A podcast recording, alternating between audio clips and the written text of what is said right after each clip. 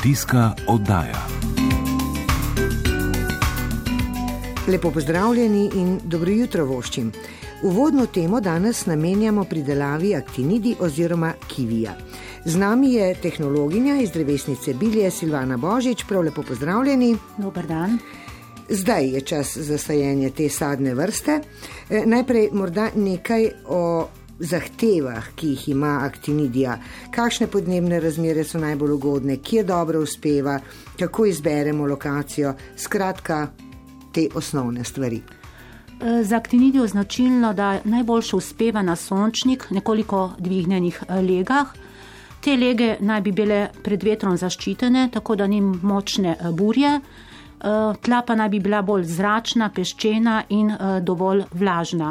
Recimo na primorskem imamo kar nekaj nasadov aktinidije, kivija, v ostalih predeljih Slovenije pa jih je manj. E, tam se bolj priporoča sajenje posameznih rastlin ali pa v manjšem številu.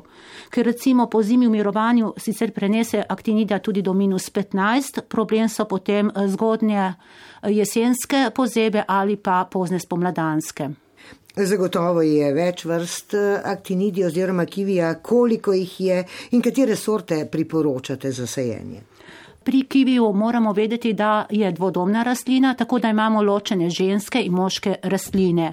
Recimo ženska rastlina ima v cvetovu razvite eh, pestiče in ima zakrnele prašnike, tako da eh, tudi obrodi, medtem ko pa moška rastlina ima pa zakrnele pestiče in samo prašnike.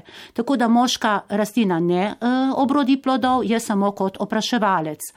Zdaj, v preteklosti se je priporočalo, da na sedem ženskih rastlin rabimo enega vpraševalca, v zadnjih letih se pa je pokazalo bolj, boljše, da imamo eh, na tri do štiri ženskih rastlin enega vpraševalca, ker s tem pridejo debelejši plodovi in bolj okusnejši. Koliko vrst in eh, seveda katere sorte najbolj priporočate? Ja, kot eh, glavna sorta je še zmeraj ženska rastlina Hajvard, Pri tej uh, sorti so plodovi precej debeli, elipsasti, pokriti so z rjavimi dlačicami, meso je zeleno, zelo prijetnega okusa in uh, bogato z minerali in pa predvsem z vitaminom C. Uh, zori uh, proti koncu oktobra in takrat potem do prve močnejše slane tudi oberemo plodove. Kot moška rastlina je pa eh, sorta Tomuri, to je zelo dober opraševalec za hajvart in pa tudi za recimo druge sorte, kot so tušija ali pa tudi za dorobno plodni kivi, to je arguta. Med debeloplodnimi sortami je še poznana tušija, ki je tudi zelo rodna, eh, je pa nekoliko prej eh, zori kot sorta hajvart. V zadnjih letih se je pojavila tudi samoplodna sorta. Povdariti pa moramo, da pri tej sorti plodovi niso tako debeli kot pri sorti eh, Hajvar, tej standardni tržni sorti. Uh, priporočamo jo predvsem za vrtičkarje ali pa res v skrajni sili, če nimamo dovolj prostora, da si posadimo samo eno rastlino. V uh, bolj odporne na nizke temperature so pa sorte drobnoplodnega kivija, to so uh, arguta. Tlej stopajo predvsem dve sorti, isaj in pa nanasnaja. Pri teh sortah so plodovi res drobnejši, zorijo pa tudi prej, recimo že konec septembra in pa se ne tako dolgo skladiščijo. Skratka, odločamo se glede na naše eh, potrebe, želje.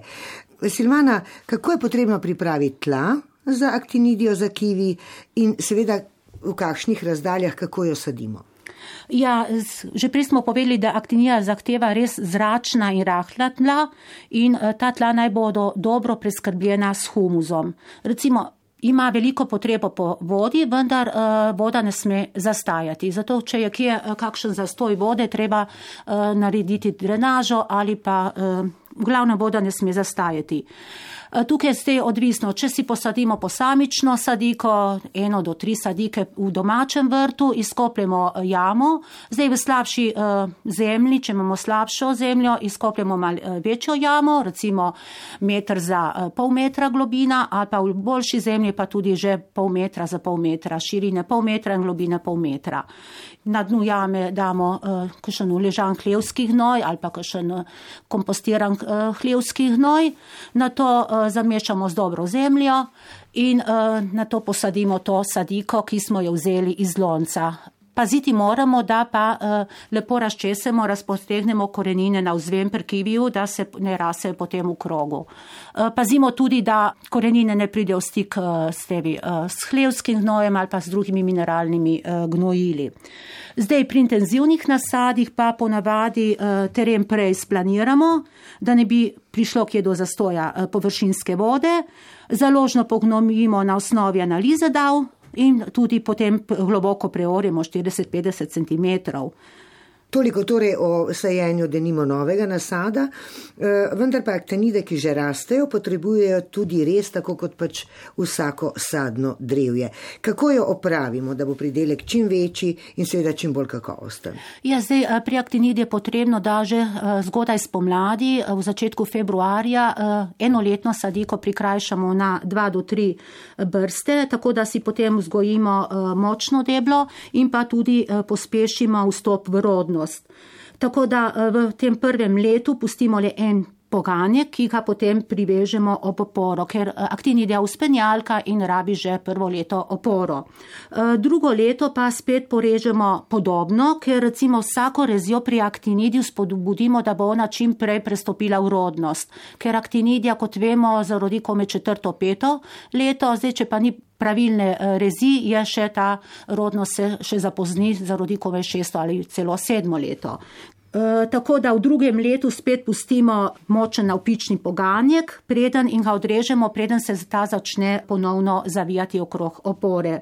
V tretjem letu pa je ponovadi ta poganjek že na višini te um, brajde ali pa opore in tam pa potem levo in desno pustimo močne mladike, ki so zrasle z brsti in čimer potem vzgojimo uh, nosilni rodni les. Toliko o rezi, ampak vemo, da skoraj da ni več sadnega drevja ali rastline, ki ne bi imela škodljivcev ali bolezni, kako je z aktinidijo. Ja, pri aktinidiji se lahko pohvalimo, da jo lahko eh, pridelujemo na ekološki način. Sedaj pred leti se je pojavil bakterijski ožik aktinidije, tu moramo biti malce bolj pazljivi, tako da res, res priporočamo v sončnem vremenu, da ni kakšne vlage. Po vsaki rezi je fajn, eh, da se zamaže rano eh, smola ali pa z bakrom in tudi kakšno škropljenje v spomladanskem in jesenskem času z bakrovimi pripravki je zelo dobrodošlo. Če skleneva še to, seveda eno so intenzivni nasadi, drugo pa priporočate sajenje aktinidija tudi v domačem vrtu, dve, tri rastlini. Zakaj?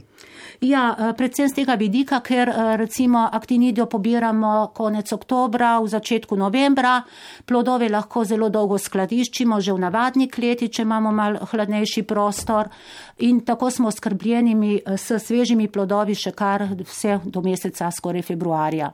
Vemo pa, da je aktinidija tudi zelo bogata po vitaminih, skratka po vsem, kar potrebujemo v zimskem času, še bolj. Ja, aktinidija je zelo bogata z uh, različnimi minerali živali, predvsem z vitaminom C in tako tudi rečemo, da je aktinidija sadež mladosti. Če skleneva, eh, zdaj je čas za sajenje, dokdaj priporočate, da se lahko sadi? Sadike aktinide lahko sadimo načeloma vse leto, razen ko je zemlja res zmrznjena, kljub temu pa se zaradi velike nevarnosti izsušitve eh, je se dobro izogniti pozni pomladi in pa poletju. Silvana Božič, najlepša hvala za te koristne informacije, tako za tiste, ki se bodo odločili za intenzivni nasad, kot tudi za tiste, ki jim priporočate, da dve, tri sadiki aktinidije posadijo v domačem vrtu. Hvala lepa. Ja, hvala vam za povabilo.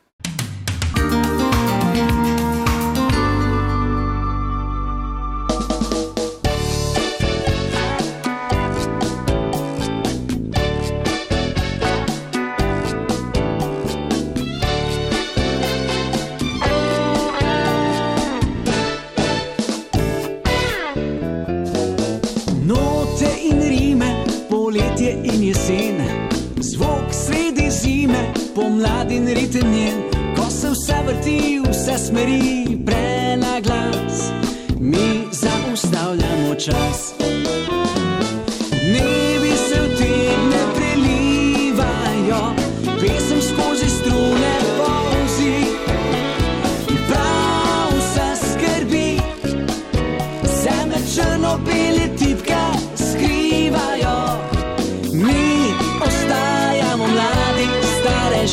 je svet za nekaj let.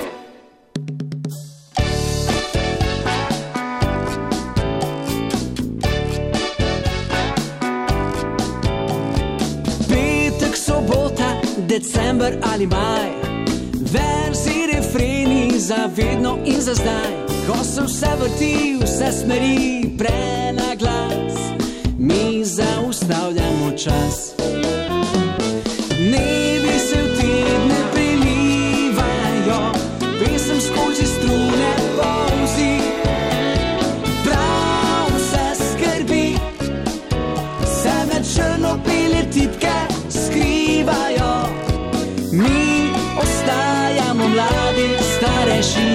Je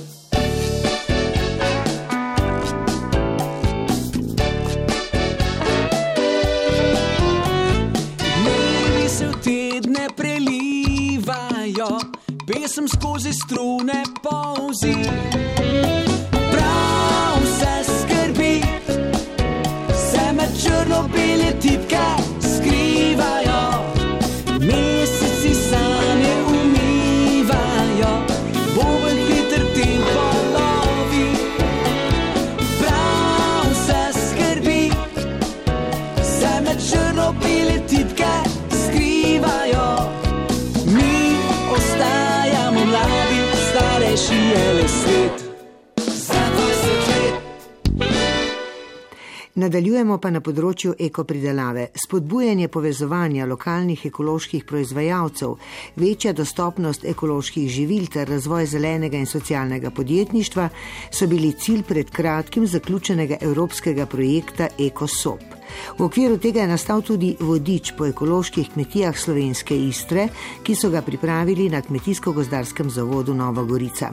Z Matejo Grdina se je pogovarjala Tjaša Lotrič. V okviru evropskega projekta ste izdali vodič po ekoloških kmetijah slovenske Istre. Kako je nastajal in s kakšnim namenom ste ga oblikovali? Vodič je nastal v okviru projekta Ekoskop, ki smo bili a, kot a, sopartner v projektu. Zbirali smo kmetije, a, ekološke kmetije z našega področja, ki bi se želeli predstaviti v vodiču.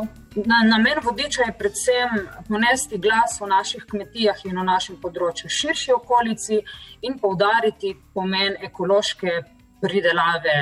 Da bi tudi uh, ostali potrošniki prepoznali ta ekološki znak in ekološke pridelke in izdelke.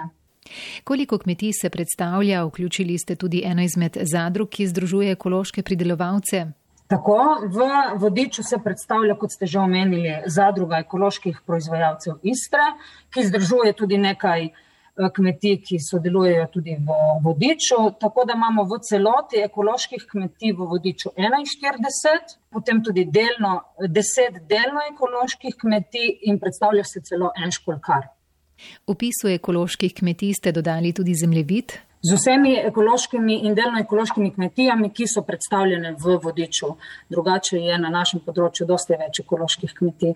Kaj je posebnost tega vodiča, kako ste ga zasnovali?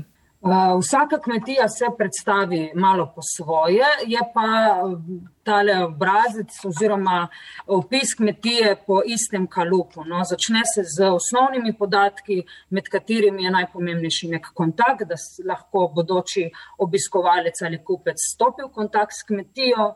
Sledi en krajši opis, ki ga je kmetija pripravila sama, v kateri že poudarjajo določene posebnosti in zanimivosti na kmetiji sami.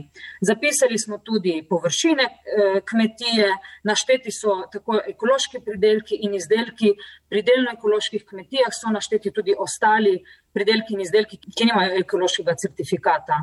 Pri opisu samih kmetij je naštet tudi način prodaje, dodali smo znanje tujih jezikov v primeru, da vodič zaide v roke nekega tujega obiskovalca in kdaj je možno eh, kmetijo obiskati. Kakšen je bil sam odziv kmetij pri tem projektu? Eh, Moram pohvaliti vse sodelujoče kmetije, odziv je bil zares eh, prijeten, lepo sodelovanje z njimi, eh, slike so tudi sami posredovali in upam na čim bolj prijetno branje vodiča tudi ostalim. V spredju je tudi znak, ki uporabnike opozarja na prepoznavnost ekoloških pridelkov. Ja, res je. In ta znak smo potem uvrstili k vsakemu opisu kmetije, da se čim bolj vtisne v spomin eh, bodočim potrošnikom, da res znajo na tržišču z vso to različno paleto pridelkov, res prepoznati tiste, ki so v ekološkem kontroli in eh, ki imajo ta znak, da bojo vedeli, da posegajo za res po ekoloških pridelkih in izdelkih. Kako po vašem mnenju danes potrošniki prepoznavajo oznako eko?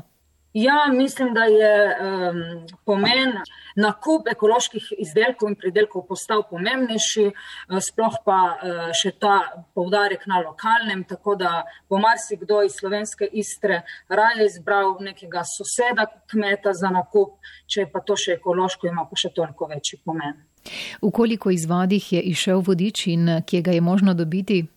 Zaenkrat je v tiskani, obliki 1500 eh, izvodov. Te izvode zaenkrat delimo na sodelujoče kmetije.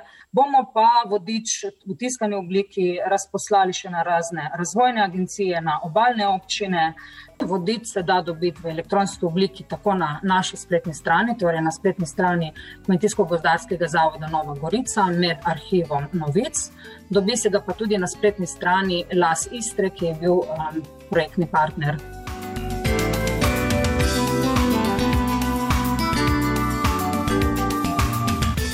Še eno zanimivo temo imamo. Na spletu je zaživela tržnica na Borjaču.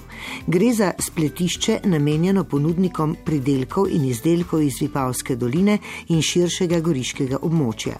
Spletna tržnica ne bo namenjena le prodaji in nakupu lokalnih izdelkov, ampak prinaša tudi veliko koristnih informacij za pridelovalce, tako z področja kmetijstva, kot tudi uspešnega poslovanja.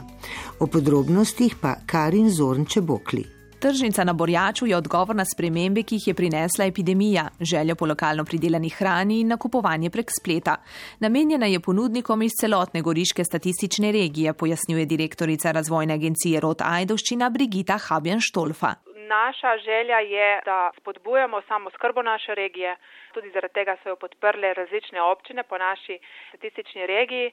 Zavedanje, zakaj je potrebno kupovati lokalno in jesti lokalno, ozaveščanje eh, potrošnikov, hkrati pa tudi eh, s tem tretjim stebrom našega spletišča izobraževanje in pomoč pri poslovnem razvoju kmetijstva eh, na podeželju. Mogoče od zadnje še ena večja želja, da bi dejansko kmetje lahko si planirali sezono že v času sejanja, da bi lahko planirali, kakšne količine potrebujejo za nekega večjega uporabnika, recimo v primeru gostilne. Kako bo potekalo to svetovanje, na kakšen način? Trenutna situacija epidemije, v kateri smo, nas je prisilila, da smo mi kot regijska razvojna agencija bili prisiljeni marsikatere aktivnosti jih preseliti na splet. Se pravi, izobraževanja, usposabljanja jih dejansko izvajamo preko online izvedb. Škoda se nam je zdela, da te zadeve, ki so potem recimo oddelane, posnete, da nekje ostanejo v nekem predalu in da se jih ne uporablja naprej. Zato bomo vse aktivnosti, ki jih bomo izvajali tudi zdaj naprej, bomo tudi tudi en del tega posneli in tudi pustili na spletišču, da bo vedno na voljo registriranim našim ponudnikom. Na ta način bomo spodbujali seveda tudi svetovanjem ena na ena, s telefonskimi klici, to tako ali tako že počnemo tudi v sklopu spod točke. Zelo sem vesela, da v tem projektu sodeluje tudi Kmetijsko-gozdarski zavod Nova Gorica. Seveda oni so strokovnjaki na svojem področju, oni bojo prevzemali svoje vsebine, ki jih bomo vklapljali v spletišče, mi pa smo tukaj partneri, ki prevzemamo ta poslovni del svetovanja, se pravi, če po domače rečem, katere papirje vse rabimo, zato da spravimo nek izdelek na tržnico, če lahko tako rečem. Ponudniki morajo za sodelovanje na spletišču izpolnjevati določena merila. Prvi pogoj je seveda ta izvornost, da je iz naše statistične regije, druga je ta, da kmetija ima med številko oziroma če je nek pridelovalec SPDO, da ima to dejavnost registrirano in da pri svojih izdelkih ima 50% lokalnih izdelkov oziroma v nekem izdelku, da ima 50% surovin. Odločili smo se za transparentnost, za spodbujanje legitimne ponudbe, tistim pa, ki še niso, smo pa zato to spletišče oblikovali na ta način, da jim bomo pomagali, da bodo tudi ostali ki si želimo, da jih je vedno več, da bojo doregistrirali, uredili svoje poslovanje in na ta način bojo boljši in vsi skupaj bomo boljši. Na portal pa se lahko registrirajo tudi kupci. Registriran kupec ima nekaj ugodnosti. To pomeni, da lahko vidi celoten profil ponudnika, da lahko z njim tudi poklepeta v klepetalnici, da mu lahko pošlje mail, da sta v stiku uh, veliko bolj kot recimo, če je nekdo samo na ključni obiskovalec in ni registriran kupec.